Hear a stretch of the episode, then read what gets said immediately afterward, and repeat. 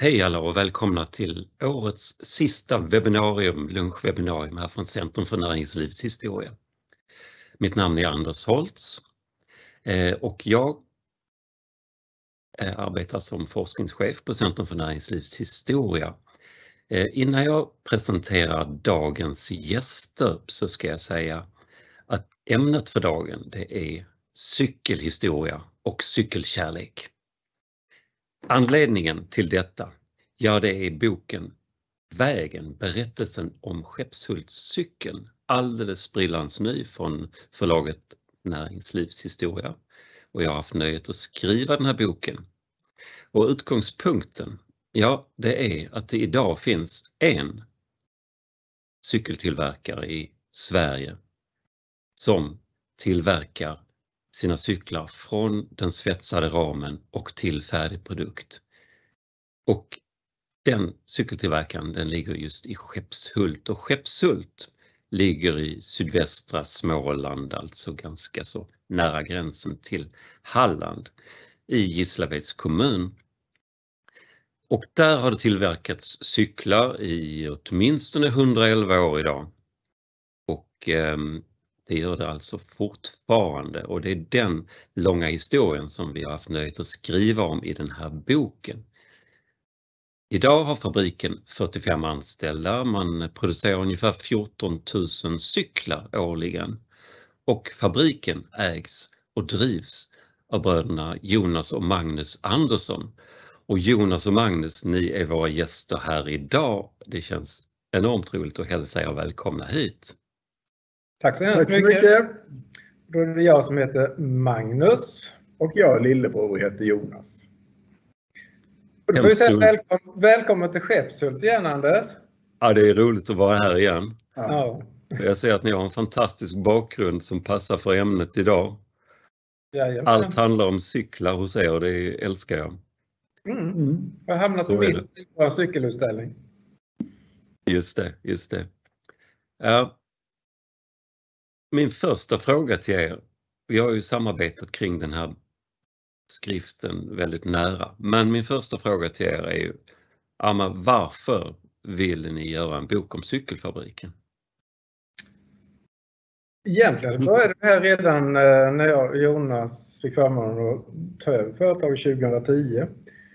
För både jag och Jonas tycker det här med historia är jätteroligt eh, och intressant. Och eh, när vi kom hit så fanns det och finns fortfarande en fantastisk lokal som lämpar sig för ett museum. Och det tänkte vi att det ska vi köra igång med. Men ganska snart när vi då när jag kom hit, Jonas hade jobbat här sedan 97 men det var ju mina första dagar, så insåg vi att börja gräva i historien när man precis har tagit över ett företag, det är inte rätt väg att gå. Utan eh, vi sa att det är faktiskt, vi måste fokusera på framtiden och inte dåtiden. Så det här är något som jag har grott i ganska många år. Och eh, nu kände vi att tiden var mogen att göra det här. För även tidigare ägare har diskuterat att historien vore intressant att dokumentera. Och det har skrivits fragment i olika böcker. Eh, du har hittat en hel del källor Anders, där det har skrivits, men ingenting som har sammanfattat eller berättat bara historien om Skeppshultscykeln.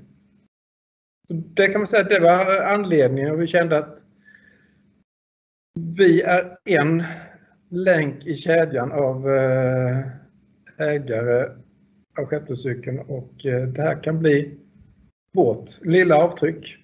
Och lite grann handlar det om att nollställa också, för jag har ju då ja, jobbat här sedan 97 och har ju då jobbat Eh, med de tidigare ägarna Kjell och PO. Men jag har ju också träffat de som från ursprungsfamiljen. Eh, Lennart eh, Samuelsson och Ottosson. Och då, det är ju alltid så att det är mycket historier och skrönor som har berättats. Och det vi vill ju egentligen, och det du har hjälpt oss med Anders, är ju att få rätt sida. Hur var det egentligen och vad är sant och vad är förvanskat och nollställa historien. Det var ju lite den ansatsen vi hade. Mm. Och eh, boken blev ju en följd av tanken av ett museum då. Och där ska ju också det här museinamnet ska inte finnas utan det blir också vägen en berättelse om Skeppshuscykeln. För en väg är ju två håll. Och vi har ju hela tiden ansatsen framåt. Det är ju framtiden vi lever på. Just det. Så att boken och utställningen kommer ju ha samma namn och de går på det viset hand i hand och det är, det är väldigt roligt. Vi på Centrum för näringslivshistoria brukar ju också tala om att, att historien, det är ju inte någonting som pekar bakåt utan historien pekar naturligen framåt. Så är det. Allting vi arbetar med bygger på erfarenheter. och Om vi vill utvecklas framåt så handlar det ju om att förstå sin historia väldigt mycket. Eh, vi hade ju då möjligheten att göra intervjuer. Vi arbetade tillsammans där och jag var nere hos er, vi fältarbetade, vi träffade personer, vi var på platsen där den allra första verkstaden en gång i tiden låg och vi har träffat ättlingar till tidigare personer som har drivit eh, fabriken. Och sen när vi har samlat ihop allt det här materialet, ja men då har ni ju gett mig fria händer att, att formulera den här historien. Och, och ja, var inte det ett risktagande när man ser tillbaka? Nej, men det, det här var, jag, jag, kände, jag kände mig fullt trygg i hela den här processen Anders. Det, det, tror jag, det, det har varit ett ömsesidigt givande och tagande. Det har varit eh, jätteviktigt det här att det är du som bestämmer vad som ska skrivas i sista änden. Det är ditt namn som kommer stå på eh, bokens omslag, inte vårat namn. Så eh, jag har känt mig jättetrygg genom hela den här processen. Jag kan ju bara inflika vad Magnus säger. Det var ju hela ansatsen från början. att Vi vill ju inte skriva en bok om oss själva utan vi vill ju att någon annan, i det här fallet du, skulle göra det om oss. Och då blir det skrivet på ett annat sätt och vi är ju fantastiskt nöjda med det här arbetet du har gjort. Jätteroligt och det har varit så fantastiskt kul att arbeta med det här projektet eftersom jag är en inbiten cyklist själv. Och jag var tvungen att erkänna för er att jag inte cyklade Skeppshult men ni sa att det var okej. Okay. Det, det, är ett övergående problem Anders. Kanske det. Ja, eh, då ser vi några bilder här. Och det här är då mannen vi ser här på bilden. Albert Samuelsson, han är alltså då grundaren till Skeppshult cykel och vi kan ju inte exakt säga när fabriken grundades. Vi vet att man tillverkade cyklar eh, 1911 men vi kan inte säga att det inte skedde tidigare också. För att han började i en väldigt enkel skala och så här är det ju ofta med, ehm, med industrier överhuvudtaget att den exakta startpunkten går ju inte att fixera och det kanske inte är så intressant att göra det heller. Han började att reparera cyklar i en liten verkstad. En vacker dag började han också bygga cyklar för det var ett naturligt steg att ta. Eh, och vid den här tiden när han gjorde det, ja då fanns det omkring 70 svenska cykeltillverkare runt om i Sverige och cykeln hade ju verkligen exploderat i slutet av 1800-talet som en produkt, som ett färdmedel, som en nytto, eh, ett nyttohjälpmedel i vardagen inte minst enormt viktigt på landsbygden. Den andra bilden vi ser här, den visar ju då eh, tre stycken personer och det är faktiskt, om man ser damen längst fram, så är det den allra äldsta bilden där vi säkert vet att det är en cykel från Skeppshult. Men den hette på den tiden inte Skeppshult utan Skogsstjärnan. Och Rut Andersson heter damen i Moshult som fick sin Skogsstjärnan på sin 20-årsdag 1912. Så det där känner vi till, det är väldigt roligt. Och man kan ju verkligen se på den här bilden att cykeln vid den här tidiga tidpunkten, ja men den ser ju verkligen ut som en cykel gör idag. Och det är ju väldigt speciellt med den uppfinningen att när den väl hade funnit sin form, om man får säga på det viset, någon gång på 1890-talet, ja sedan dess har vi förbättrat och byggt vidare, men efter samma grundprincip. Så att cyklister idag klarar mycket väl av att cykla en cykel från 1890-talet eller från 1910-talet när de första cyklarna från Skeppshult kom till. Det blev ju en frihet att äga en cykel och inte minst på landsbygden var det ju så. Och alldeles särskilt skulle jag säga för kvinnor på landsbygden så det är väldigt roligt att vi har just den här bilden. Vi kunde ju då berätta om cykelns historia genom att berätta om Skeppshults historia. Eh, och Rita, du kanske kan byta bild där. Men en sak Anders där som var intressant, ja. vi pratade om det här eh, att vi hade vissa antaganden om historien och eh, Mm. muntliga traditioner. Eh, första gången du var nere hos oss så var vi och besökte den lokalen där allting startade 1911. Ja. Och i vår sinnevärld så har det här varit ett uthus där man eventuellt hade schasat ut några grisar och eh, höns och börjat eh, tillverka cykel. Men när vi kom dit så såg vi ju ganska snabbt att det där var ju byggt som en fabrik från början. Mm.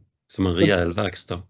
Precis, det var ju en verkstad och fabrik redan 1911. Och det, här, det visste vi Nej, inte om trodde det inte hade heller. vi absolut ingen aning om. Utan jag är precis som Magnus säger, den här romantiska bilden av ett rött torp och så är det ett uthus och där har man lett ut grisarna och korna och så börjar vi tillverka cyklar istället. Men det här var ju en liten industrilokal, Mm. helt klart. Ja.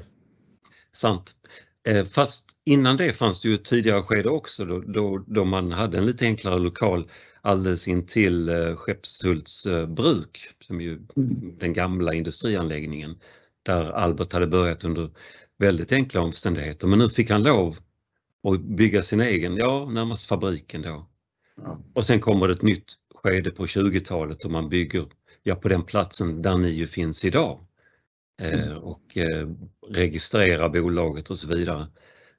Och, och när man ser på eh, cykeln och cykelns historia så går det ju verkligen att skriva in hela Sveriges modernisering utifrån den också. Det, det känns väldigt roligt att se det och jag tycker det finns så fantastiskt bildmaterial också. Vi har kunnat använda mycket av de här bilderna i våran bok. Inte minst de här reklambilderna som är så tidstypiska. Och ni ser på den här bilden så ser ni ju längst från vänster en bild från en katalog från 1929 och en landsvägsracer eh, som på något vis ser väldigt lik ut skulle jag säga en, en, en ehm, standardracer från säg 1980-talet eller någonting i den stilen. Fast det är alltså 1929 det handlar om. Ja, och då var ju produktionen på gång och det där är då en skogsstjärna och inte en Skeppshultscykel. Den andra bilden som är från 40-talet, som ju 40-talet var en verklig blomstringstid för cykeln. Eh, där ser ni en segerrik smålänning och det är precis efter andra världskriget. Därför säger man segerrik smålänning och under kriget, ja då cyklade ju det svenska folket som aldrig, varken förr eller senare. Och då hette ju cykeln S-cykeln och det kunde stå för namnet Samuelsson som är Albert Samuelsson. Det kunde stå för Skeppshult, det kunde stå för Småland eller det kunde stå för Sverige. Så det var ett ganska passande namn som en gemensam beteckning. Sen har vi lagt in en reklambild från 50-talet och 50-talet då blir det lite tuffare tider för cykeln. Då kommer bilen, då kommer mopeden och cykeln upplevs kanske som lite gammaldags. Barncyklarna var extremt viktiga för Skeppshult hela vägen. Och eh, på den här bilden så är det ju roligt att se hur den här barncykeln då har liksom liknat en moped. Den har en liten låtsas, en eh, attrapp till, ser ut som en liten motor men den är bara byggd i trä som sitter där på, på ramen till exempel. Så att man leker motorcykel eller moped med den här. Och 60-talet är också en tuff tid på många sätt för cyklar. Ehm, bilens eh, stora genombrott är ju, är ju ett faktum och cykeln blir mer och mer en sorts eh, betraktas som enbart en fritidsaccessoar, eh, någonting man använder på fritiden, precis som syns i reklamen där. Och 70-talet då, då internationaliseras och, och ökas konkurrensen med märken från andra länder. Den här fridfulla bilden, liksom gröna vågen-bilden med cyklar. Ja men det är ändå en tid när den svenska cykelindustrin var tvungen att, att börja konkurrera med, med, med konkurrens utifrån. 90-talsbilden tycker jag är särskilt spännande för att i, i Skeppshults fall så handlar det på något vis om en, en pånyttfödelse Eh, med några klassiska modeller idag. Eh, Skeppshults Natur som ju fortfarande tillverkas naturligtvis men som blev en, en, en, en enorm succé för företaget. Där man hämtade erfarenhet från sin egen historia, byggde på gamla modeller men uppdaterade dem till en ny tid och arbetade väldigt medvetet med sitt varumärke. Man kan ju se hur den cykeln och bilden där ovanför damcykeln har väldigt stor släktskap egentligen, de där två cyklarna. Ja, och ända fram till vår tid.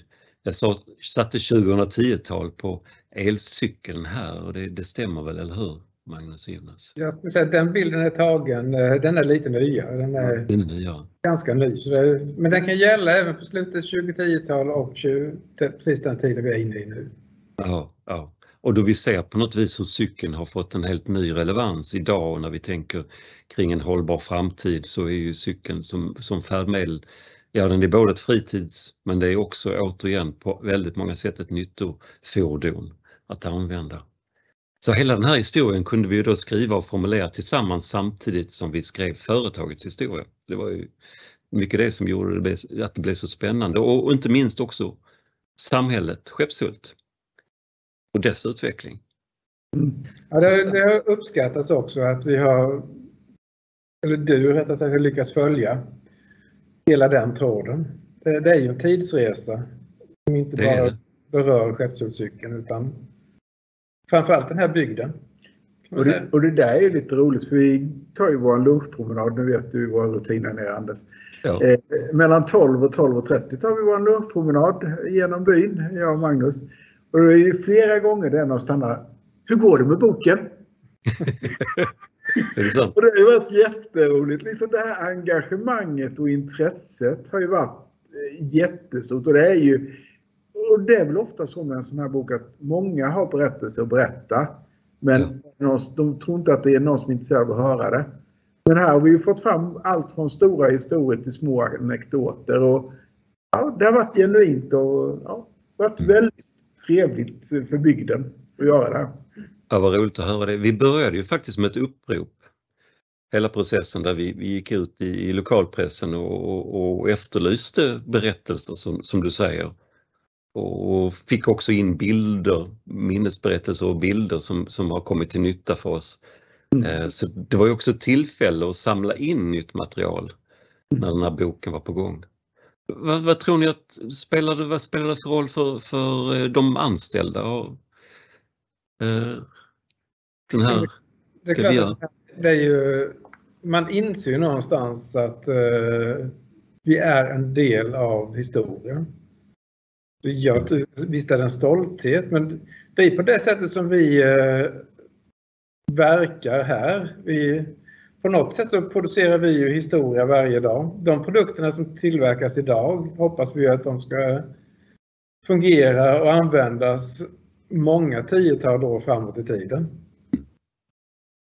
Det är, det. är ingen konsumtionsprodukt som eh, ska finnas på återvinningsstationen strax efter jul utan med rätt underhåll ska våra produkter som görs idag fungera långt efter vi har lämnat det här företaget. ja, Och exakt. det är väl det som är ansatsen om man säger överhuvudtaget att vi gör det här tillsammans och tillsammans är alla vi som jobbar här och alla har en tanke och en idé att dra detta framåt. Att lämna vidare något som är starkare än där vi började. Jag tror att det finns en stor vet, ja, medvetenhet och vilja i det. Just det. Ja, det var som ni sa i början där att man är en, man ser, man är en länk också i, i en, man, man för någonting vidare som har pågått länge och som ska fortsätta att pågå länge med, med all säkerhet också. Mm. Och lite ödmjuk blir man när man går i de här. Den lokalen vi står i nu, det är ju inte den första lokalen som byggdes men Det är nog Det den var första väl- tillbyggnaden tror jag. precis det här lär ju vara 20-tal. i alla Ja, det är det ju. Just det, just det. Du som har varit här Anders, du vet ju det här att historien finns ju rent fysiskt i byggnaden. Det är ju bara att gå upp och plocka de där böckerna som det står 1922 på. Det är och det är verkligen ju så. jätteroligt. Det är ju fantastiskt. Ja. Och, och, och de gamla, alltså magasinerade gamla modellerna, cyklarna, Ja. Mm. trehjulingarna på vinden. Mm. Fantastiskt. Det är en dröm att se det där, fast det kanske vi inte ska nämna här, men, men det är en upplevelse. Det är redan gjort Ja, det går inte att göra osagt. Men eh, mycket av historien finns ju både fysiskt i form av cyklar men också mycket dokumentation kan vi säga. Mm. Ja. Har vi. Mm. Och eh, det är ju också en del i det här projektet som vi har gjort Anders att eh, det skulle nog gå att göra en parallellhistoria på allt material som du har samlat in. Ja. Och det är ju viktigt att bevara det grundmaterialet även för framtiden. Ja, verkligen. För att eh, om någon ska skriva en historien igen om kanske 50 år så kommer det här vara en, eh, man säger din, din slask Anders, den kommer ju vara oerhört värdefull att få titta i. Ja, ja. Men Och så kommer man skriva sin historia då. Verkligen. Mm, ja. sen uppkommer ju nya historier hela tiden. Det här Ja. Det har jag ju passat mig i 25 år nu. Kanske inte 25 då som jag varit här, men i 20. Det här när vi får, jag undrar om inte cykelfabriken i Skeppshult har gjort det här en gång i tiden. Igår kom det upp en produkt som, den här kan nog de första proverna ha varit gjorda här uppe. Och då var det någon som hade visst att nej, men det är gjort här uppe. Och det var en, det är ju som vi säger då, att då var vi en underleverantör på sommaren och vår eh, tillverkare ju cykel, men vi har också gjort väldigt mycket annat här för att fylla upp produktionen. Ja. Och det kommer ju upp saker hela tiden. Och det är saker som vi inte har. Den produkten igår hade vi inte en aning om. Nej. Inte jag i alla fall. Nej, nej. Nej, precis. Och det är den där sortens bieffekter som är så spännande att man sätter liksom ja, en boll i rullning så då får man ju reda på mycket mer. Man, man, man lär sig under, under resans gång. Jag ska bara gå emellan här och säga, dels tror jag att vi ska ta bort eh, bilden nu på eh, som vi har uppe här. Eh, Och så ska jag också säga, vilket jag glömde från början, att det går hemskt bra att ställa frågor till Magnus och Jonas och mig också i chatten till det här och så, så ska vi i slutet av webbinariet göra vårt bästa för att besvara de frågorna. Eh, vi har ju pratat lite grann om historien så som det ser ut och jag nämnde ju att eh, det fanns ungefär 70 svenska tillverkare av cyklar när Albert Samuelsson satte igång där på 1900, ja, kring 1911 i alla fall. Och idag, ja då finns det bara en då. Eh, men då är ju frågan, hur kommer det sig? Alltså, varför har alla de här, alla försvunnit och varför finns ni kvar? Det är klart att det finns svenska cykelmärken idag men, men inte som tillverkar från grunden. Men hur kommer det sig att ni finns kvar? Men där, där måste vi vara tydliga och säga det att eh, vi må vara de enda som producerar cyklar från det raka röret. Men det, det är så man gör en Skeppshultcykel. Ja, Vi har tillverkare i Sverige som eh, monterar cykel. Det finns. ja Men, precis. och så har det varit viktigt att vi har kontroll på en stor del av processen. Och eh, har ju haft, helt, detta är ju en cykelfabrik. Vi kan ju bara relatera till, som vi har fått återberättat, när eh, Kjell Sture och P.O. Helge köpte företaget eh, första december 89. Då dröjde det inte länge men de fick frågan att när ska ni börja importera cyklar? Ja. När ska ni börja importera ramar? Och då så fick de använda precis samma argument som jag och Jonas fick göra 2010. Vi har faktiskt köpt en cykelfabrik där man gör cyklar. Vi ska se till att den här eh, verksamheten kommer leva vidare. Och hade vi inte, hade inte Kjell och Pio tagit det beslutet och hade inte vi gjort det heller, så tror jag bara vi hade varit ett varumärke idag. För det som särskiljer oss, det är att vi, vi brinner för cykel. Vi brinner för standardcykel kan man säga. Men eh, och att vi kan göra det på det sättet som vi gör är att vi har så stor del av värdekedjan. Vi kan eh, gå en förmiddag och diskutera men vad ska vi ha för infästning på det här kedjeskyddet? Vad ska det vara för bultförband? Och så löser vi det här. Ja, Ja, Men sen är ju det långsiktiga ägandet tror jag är en småländsk tjurighet som jag brukar säga, en grundsten. Och långsiktigt ägande. Att Ja. vi kan bara se de sista fem åren hur det har gått som en berg och dalbana. Innan pandemin och så dippade det precis innan pandemin och så pandemin och sen så nu efter pandemin. Det var ju likadant som när vi tog över företaget att vi har ju en tydlig agenda vad vi vill med företaget. Vi är väldigt uthålliga och då måste man ju även när det kniper till eller när det går jättebra, det är ju två stora, så måste man ju hela tiden att men vi har ju valt att vara en liten aktör. Vi tillverkar ovanligt vanliga cyklar och vi ska göra högkvalitativa cyklar. Vi, vårt mål är ju inte att bli stora. Det finns inget egenvärde. Sen om vi säljer mer cyklar tack vare det vi gör, det är ju roligt men vi har ju ingen uttalad eh, tillväxtstrategi. Och det gör väl också kanske att vi kan vara lite lugnare i vårt agerande. ja jag tror det också. Och eh, det som jag säger också att vi kan visa den här produktionen för vem som helst. Eh, även våra kollegor i branschen. För den som skulle få för sig att man skulle försöka kopiera det vi gör här. Så skulle, jag är ju ekonom i grunden men jag skulle aldrig kunna få ihop den här kalkylen och starta upp den här verksamheten. Utan det vi gör här och det vi ser, det är följden av 111 års avskrivningar kan man säga. Så, det, och det, är lite, lite på det sättet som vi agerar idag också. Att eh, vi kanske tar lite konstiga investeringsbeslut. Vi eh, investerade ju då i en Maskinen heter rörlaser, men eh, en viktig del i vår ramproduktion. Vi fick frågan om att Kommer ni belägga den här eller kommer ni då ta in legoproduktion? Kommer ja, två eller tre skift vi skulle köra på det. För att den skulle löna ja. sig rent ekonomiskt. Och eh, vi tror kanske att den här kommer beläggas till ett skift och max 30 procent av det skiftet. Tror jag. Men, Men det, är viktigt, det är viktigt då, dels får vi en bättre produkt. Mm. Och sen så är vi tydliga med att visa att vi tror på produktion i Skeppshult vi tror på att eh, ta ett större ansvar för hela delen av förädlingskedjan på en cykel. Just det. Just det. det och det blev bra. Magkänslan sa att det blev bra. Efterkalkylen säger det, eller bevisar det. Mm. Men vi, ja. det var ett beslut.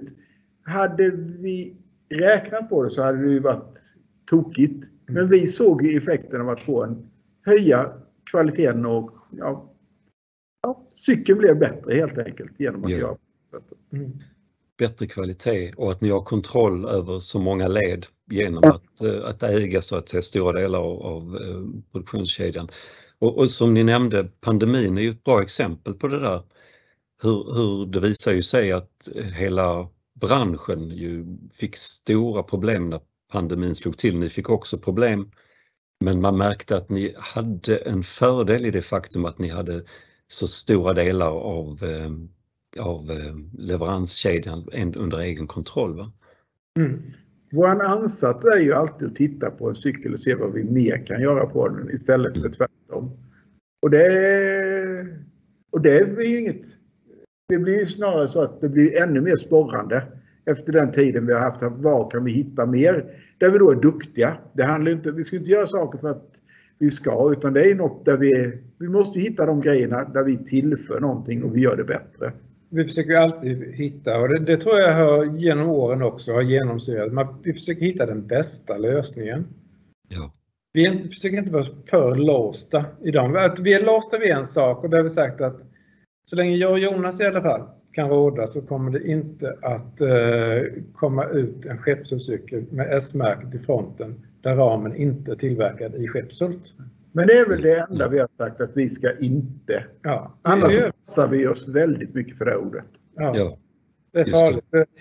Eh, man kan komma hit och eh, titta på alla dessa kartonger från eh, leverantörer från hela världen som vi använder. Men då har vi noga utvalt vilka leverantörer samarbetar vi med.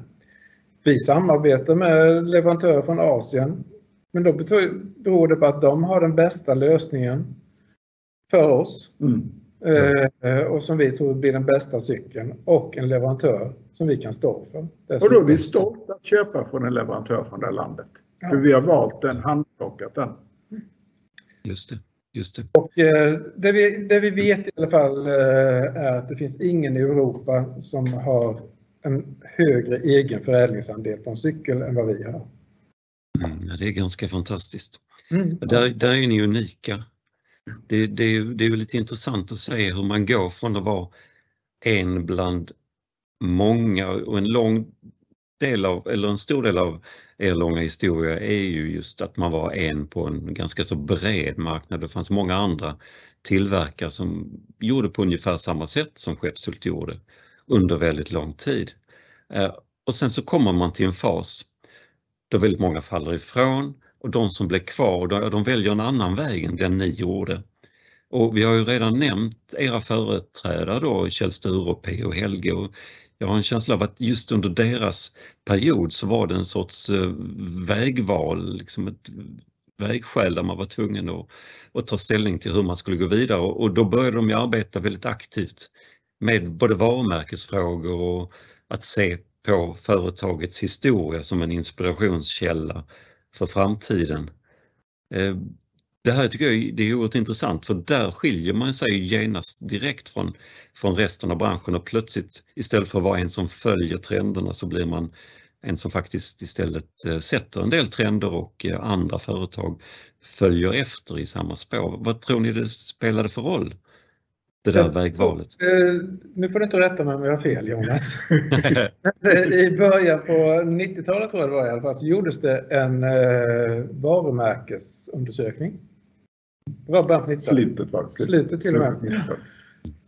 Där man undersökte hur starkt var varumärket Skeppshult Eh, där var vi inte främst Nej. på något sätt. Absolut inte. Utan det fanns eh, märken som nu i efterhand som att de var på nedgång, men de var i det läget starkare. Så ja.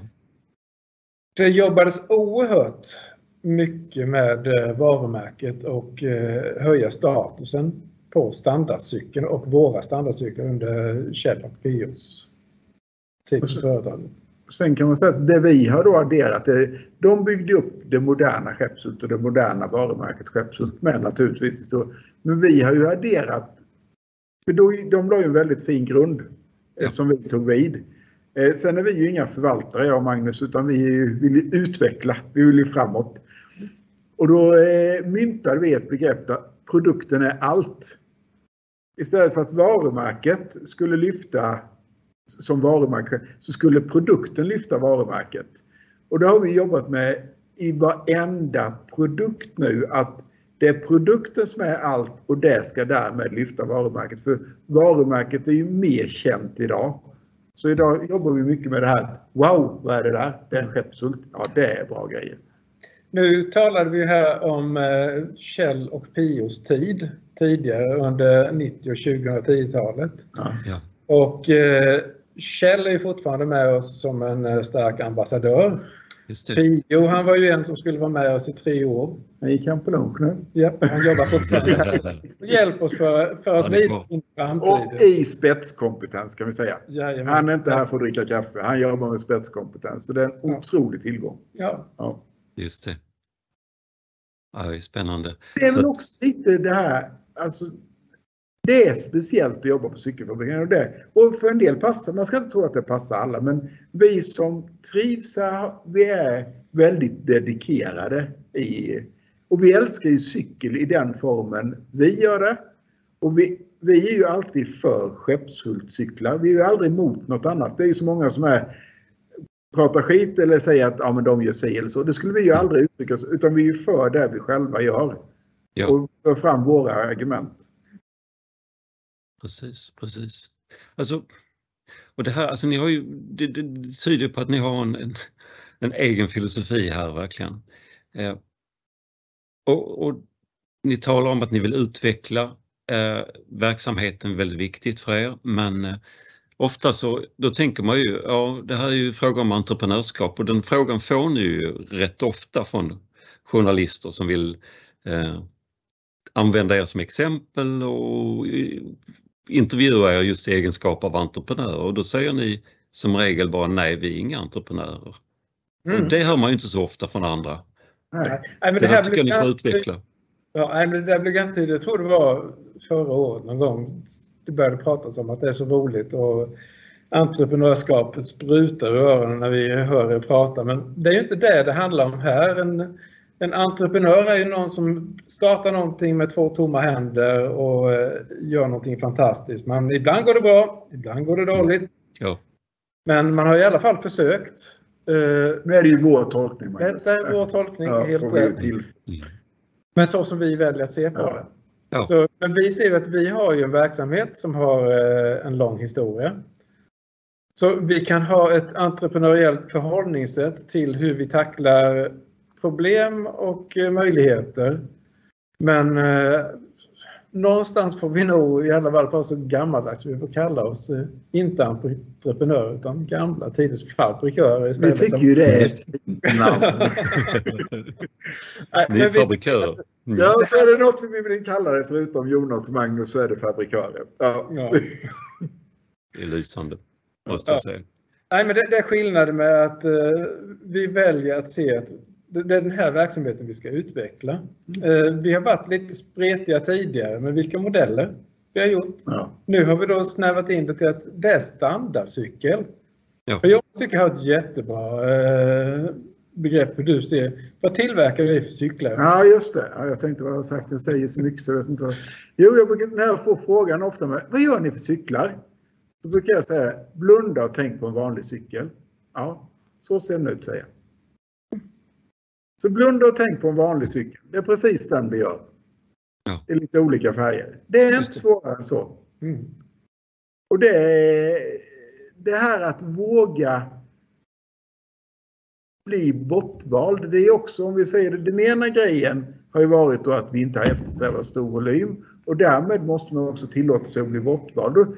Det är ju faktiskt helt okej när vi är en så liten aktör. För vi har många så- åh, skeppscyklar, de är så fantastiska. Och så finns det en annan grupp som kanske tycker att jag vill ha något sportigare, mer liksom, i aluminium eller karbon eller vad man... Just som det. är mer växt. Ja, men det är jättebra. Då är man ju tydlig. Mm. Just det, just det, just det. Men det är också så att ni driver den tillsammans, fabriken, ni är bröder. Eh, För det första, är det ett fam- familjeföretag skulle ni säga? Och för det andra, hur klarar man av att driva en fabrik två bröder emellan?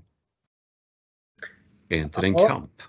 Det är en evig kamp. Är det. Men det, det har ju varit... Eh, det här är ju en fantastisk möjlighet som eh, jag och Jonas har fått att göra detta. Det, det har ju alltid varit så tidigare, innan vi fick möjligheten att ta över detta, att jag är ju storebror och Jonas är lillebror. Eh, Den 7 juni när jag kom hit eh, för första gången och skulle börja jobba, då hade Jonas 13 års försprång. Så Just då det, just eh, ändrades ju det här att då är det Jonas som blir storebror. Det var han som kunde. Han hade erfarenheten. Och Ja. jag var nybörjare. Så det var det. jättenyttigt. Och sen har vi olika roller, jag och Jonas. Jonas är ju marknadsförsäljning. Produktutveckling. Ja. Mm. Och jag eh, är det som Jonas inte tycker är roligt. Ja, så brukar jag säga. Ja. Jag gör det kul att se Magnus resten. Ja. Det. Men, Men det bygger ju på en otrolig inbördes respekt och en otrolig eh, inbördes tilltro till varandras kunskap. Och det kan man säga att vi har ju under de här åren aldrig haft en enda dispyt. Och det har vi inte Så. haft innan heller. Utan, och då kan man säga att vi sätter oss i bilen klockan 06.45 åker ihop till jobbet. Sen så åker vi ihop, eller är vi här hela dagen och så åker vi ihop hem och så sticker vi ut och tränar efter jobbet. Så vi gnager ju på varandra rätt mycket. Men det här att man, man måste lära sig både att både jag och Magnus har goda och vi har sämre sidor. Och man ska ju aldrig utmana de dåliga sidorna utan man ska alltid se till att dra ut de goda sidorna ur varandra.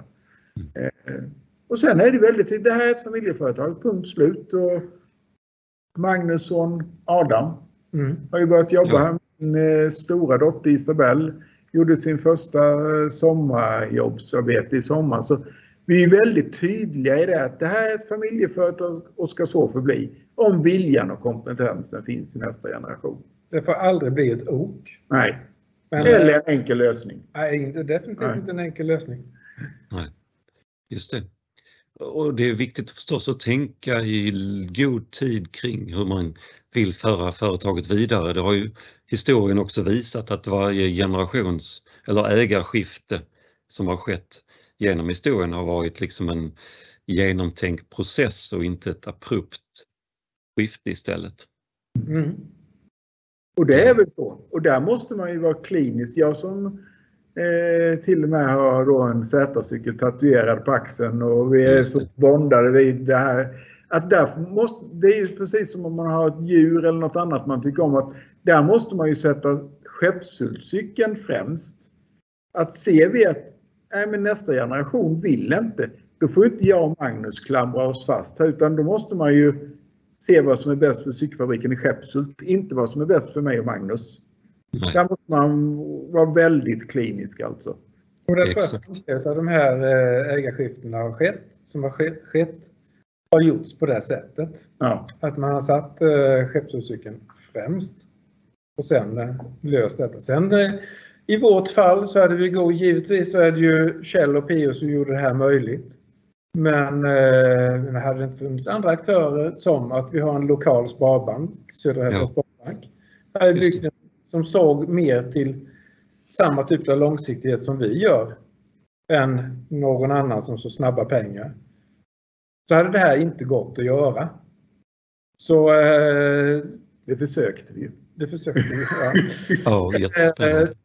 Det, det, det finns eh, många företag som kanske borde tänka igenom sina resor vad man vill framåt också. Och att det, det finns alternativa vägar. När du nämner det här med den lokala förankringen och, och banken och, och kontakterna så är det ju någonting som känns väldigt tydligt när man kommer till er att, att ni är ju så integrerade och samarbetar med verksamheter runt omkring och platsen är viktig för er. Jag har en fråga här i chatten som knyter an till det. Här står, hur avgörande har bygden varit för era framgångar på Skeppshult och därmed också med vikten av stöd från andra lokala företag i er närhet? Ja, banken är ju ett exempel, men tycker jag kanske att vidareutveckla det. Men eh, märker, för er som inte har varit i och jobbat i den här bygden. Så när jag gick ut gymnasiet och skulle börja jobba, eh, eller börja studera egentligen först, så tänkte jag det, det ska man inte göra här kanske, utan då ska man vidare. Sen när man blev lite äldre och började jobba här så insåg man det att det finns så oerhört mycket i den här bygden. Ja. När det gäller samarbeten, allt det bygger på samarbeten. Det är någon som känner någon som kan hjälpa till med något. Så eh, visst är det, och det, det tror jag många många utav företagen här är ju avknoppning utav andra företag. Detta är ett företag som har startats från grunden som eh, Skeppshuscykeln. Och jag kan inte se att vi har några avknoppningar egentligen, eh, vad vi vet. Men eh, att eh, bygden och samarbetet som finns här har ju varit helt avgörande. Och det kan jag ju säga, det här som vi nämner banken.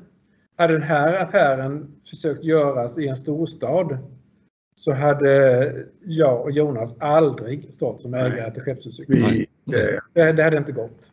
Men sen, sen får man ju inte glömma det här som jag brukar säga, den här romantiska bilden, vilket är rätt, av det småländska eh, eller Gnosjöandan eller vad man nu kallar det. Precis som Ja. Magnus sa, att man hjälps åt. Det kommer ju av att skulle man, det är ju överlevnad i grund och botten. Vi är ju fostrade till det här. Vi har en mamma som är uppväxt i Östergötland och tittar man på en åker där så vet de inte vad sten är. Och går man ut här så är det sten överallt. Så, men, det var ju att man var tvungen att hjälpas åt. Och det, det har liksom satt sig fast tror jag i hur vi jobbar och tänker. Just det, så det spelar verkligen roll. Faktiskt, jag kommer tänka på att vår eh, bok också är ett exempel på de här nära samarbetena och sambanden eftersom den är ju tryckt på eh, Hylte tryckeri. Mm. Ja. Och det är ju verkligen en, ja det är inte långt till Hylte om man säger från er. Och, Nej, Nej. Det, det, det är det verkligen inte. Det är, det är ungefär två mil söderut är det, med Nissastigen. Och det, Det är den närmsta tätorten söderut kan vi säga. det, Ja. Just det, så det, det är ju ingen slump och de har gjort ett jättefint arbete med, med att trycka boken definitivt. Men det är ju den där nära kontakten som har spelat roll där verkligen. Mm. Men då vet man ju också att man får ett ansvar när man hjälper någon. Mm. Om vi hjälper dem dag, då vet man att man ger dem rätt pris och man får ett gott utfört arbete. Mm. Ja. Just det, just det. Och om, om vi nu pratar lite om processen med boken, Anders. Ja, Så är det här eh, det är egentligen mest det som... Det här önskar man ju att fler företag tar möjligheten. Mm. Att eh, på det sätt som vi har gjort dokumentera vår historia. Och det här, eh, början till detta var ju egentligen ett möte i Brusaholm som jag var Just på. eh, just det. Malin Alfredsson. Och eh, hon visade deras bok som du också hade skrivit. om Bruceholms bruk, ja precis. Näringslivshistoria. Men hon eh, berättade om det och sa att vore inte det här någonting för er att göra i alla fall. Sen tittade jag, det dröjde ända till, det var en pandemi som körde igång där under våren. Ja. Men vår process, Anders, den startade redan den 24 november 2020. Ja, Det är en lång utdragen historia. Eh, Ett drygt år sedan så är det två år sedan. Men det var ju också medvetet för att ge det lite tid så vi inte skulle få fram några uppgifter som inte hann med att komma in i boken. Nej, I vissa fall så sitter ju folk och håller på berättelse Mm. eller information. Just det, just det. Det är ju väldigt roligt att ni säger det och, och det har ju varit oerhört roligt för oss att eh, kunna samarbeta på det här viset. Jag ska, tänkte jag skulle ta några ytterligare, vi har flera frågor som har kommit i chatten nu. Mm. Eh, och eh, många intressanta frågor. Här kommer en. Vad är likheterna eller skillnaderna mellan hur man byggde cyklar 1920 om man jämför med idag? Den är inte lätt. Jo, ganska. Du använder fortfarande, vi, vi använder ju samma grundmaterial. Det är stål. Mm. Eh, inte samma stål på något Nej. sätt som användes då. Eh, man svetsar fortfarande ramarna. Idag använder vi en svetsrobot. Då gjorde man det manuellt. Då sågade man av rören på något sätt. Ja, och fi, filade upp Ja. fogarna så det skulle fungera. Idag så kör vi de grejerna i en rörlaser.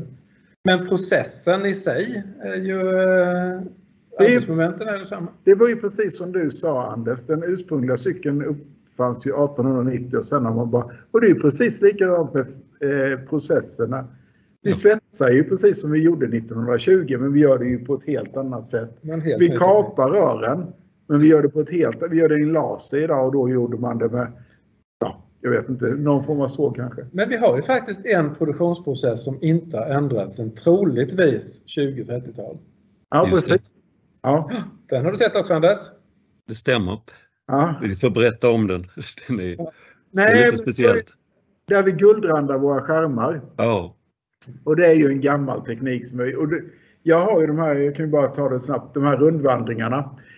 Och Mm. en av de rundvandringarna i fabriken så var det Åke Ottosson som ägde företaget fram till 89 med. ja. Och vi har ju alltid undrat hur gammal den här ställningen är om man säger, eller hjulet som man gör den här andningen. Och då kom vi fram till den här och tänkte att det är läge att fråga Åke Ottosson, hur gammal är den här? Och han var ju väldigt rolig. Åke sa, han, ja Jonas sa han att jag började här 1959. Och vet du vad vi sa då? Nej, vad sa ni då? Undra hur gammal den här är egentligen. Så om den har varit med sedan tidernas begynnelse eller inte, det vet vi inte. Men väldigt gammal är den. Och den, jag skulle inte säga att den används dagligen. Nej, men den används ju regelbundet i vår produktion fortfarande. ja. ja. Just det. Så där har utvecklingen inte gått fram alls. Nej, och, och där är ni ju väldigt tydliga att eh, de moment som tjänar på hantverk ska fortsätta som hantverk, men de moment som tjänar på automatisering och nya tekniker och processer, ja, de ska man, där ska man inte tveka att använda ny teknisk utrustning. Helt riktigt. Eh, en annan fråga här. Finns det några tekniksprång i exempelvis konstruktion, materialval eller tillverkningsprocesser som har varit särskilt viktiga just under Skeppshults historia? Alltså tekniska, Vi kan ju säga att ett stort tekniksprång, det gjorde vi ju inte för jättelänge sedan. Det var ju när vi gick över i eh, SSABs nya höghållfarstål 1 mm. Det var ju ett stort teknik. Det var ju egentligen rörmässigt tror jag det är det största. För det krävde helt andra tekniker. Ja, Hur man kapade och bearbetade och svetsade det. Så, och det är ju bara tio år sedan. Så det är ju ett jätteteknik. Och sen är ju lackeringen är ju ett annat jättestort eh, teknikskifte som har skett. Men Där vi då sen- kör i pulver idag. Ja, men sen har det ju kontinuerligt skett små steg. Men eh, Det det, sker är, ju- det är ju stora, ja, Ja. precis, det är ju stora språng. Pulverlackering är ett bra exempel som just innebär en väldig arbetsmiljöförbättring. Och de ohälsosamma ångorna som fanns i den gamla sortens lackering som eh, man har Det kunnat har vi ju haft pulverlackering vi tillstår i över 25 år. Ja. Mm, just det. Det var ju det, vi, vi jobbar ju mycket med eh, miljöfrågan för vi, vi inser ju det att eh, ska vi ha ett eh, existensberättigande här så måste vi göra det på ett så lite miljöbelastande sätt som vi kan. Att, eh, ingen, ingen produktion är miljövänlig men vi kan belasta miljön så lite som möjligt. Och Just det är det. där, så, så när eh, eh, tri, trikloretylenen förbjöds, eller började förbjudas på 90-talet, Och du får du förklara vad det är. Det är ett sätt att uh, göra rent uh, ramar, uh, eller produkter helt ja, enkelt. Och det, det fanns på alla industrier runt omkring så tvättade man med något som heter tri. man till och med tvättade kläder i tri tror jag. Ja. För riktigt länge sedan. Det var nog jätteskönt. Mm. Men istället för att söka um, anstånd med det här, för det kunde man få ganska många år, så valde man att uh, fasa ut trin så fort det gick och ersätta den med ny teknik istället. Just det. Spännande. Ny fråga. Jag har många på lager här. Många bolag inom cykelbranschen har köpts upp och sammanslagit genom åren. Har Skeppshult ibland funderat på att köpa upp andra bolag alternativ att själva bli uppköpt? När jag och Jonas eh, då fick möjlighet att köpa företag 2010 så var vi jättesugna på att starta en liten företagsgrupp. Men eh, som tiden går så har det här gått över helt faktiskt. Vi är så glada över att vi har möjlighet att driva Skeppshuscykeln. Och har 100% fokus här. Det, och till salu är det inte kan vi säga. Då. Nej. det, tycker jag, det tror jag har framgått i hela intervjun hoppas jag. Ja, ja. Bra klargörande här tycker jag. Ja. Eh, jag har en fråga här om ja, hur många anställda är ni? Ja, ungefär 45 personer, inte sant? Men hur är det med exporten? Den är noll. Den är noll? Ja, mm. och vi har... Det, är det du som ansvarar för försäljningen? Ja, det är jag som ansvarar för försäljningen. Så det är mycket, det är ju så, jag har varit med om massor med olika försök att göra det. Men cykeln är rätt unik om man tittar runt om i, land, i världen, inte i landet. Utan, och, eh, så här, en konstig grej är att vår bästa exportmarknad någonsin, är Australien. Och det var en eh, australienska som, träffade för en svensk tjej. Hon hade en skeppsutcykel med sig. Och han älskade den här cykeln och så började de sälja den. Sen tröttnade han och gjorde andra saker. Men vi har, vi, och jag är lika entusiastisk så fort någon ringer och säger du, jag skulle vilja börja sälja era cyklar i Belgien eller vad de nu vill. Då är jag jätteentusiastisk. För jag kan ju bara berätta de dåliga exemplen. Men någonstans finns ju antagligen den här nålen i höstacken där vi hittar den som ja, men han lyckas sälja lite grann. Och det om vi om vi inte är, som säger, har något tillväxtmål så det är klart att exportera vore ju roligt. Ja, det, det vore liksom, men det har heller inget egenvärde utan ska vi göra det ska det ju vara att det är en god affär för oss och det är en god affär för dem som håller på med det. Annars så blir det ju inte långvarigt. Mm. Och sen kan man ju bara konstatera att vi, som du sa Anders, producerar runt 14 000 cyklar. Den svenska marknaden är ungefär 450 000 cyklar. Just det. Mm. Nej. Har Skeppshult några tankar på att börja producera en lastcykel eller lådcykel? Sådana modeller finns ju många av idag. Eller har de presenterats, har de funnits tidigare i urvalet? Ja, vi har ju tittat i, eh, om du tar en katalog från 30-talet Anders, så hade vi väl de med va? Ja, de är med där. Det var de viktiga. Jag tror inte vi ska ta upp den eh, produkten igen. Och vi har tittat på det men det korta svaret där är nej. Det finns andra som gör detta så mycket bättre än vi. Och vi har fullt fokus på våra tvåhjuliga cyklar. Men vi har även en trehjulig cykel som mm. definitivt är en som vi... Det är ju...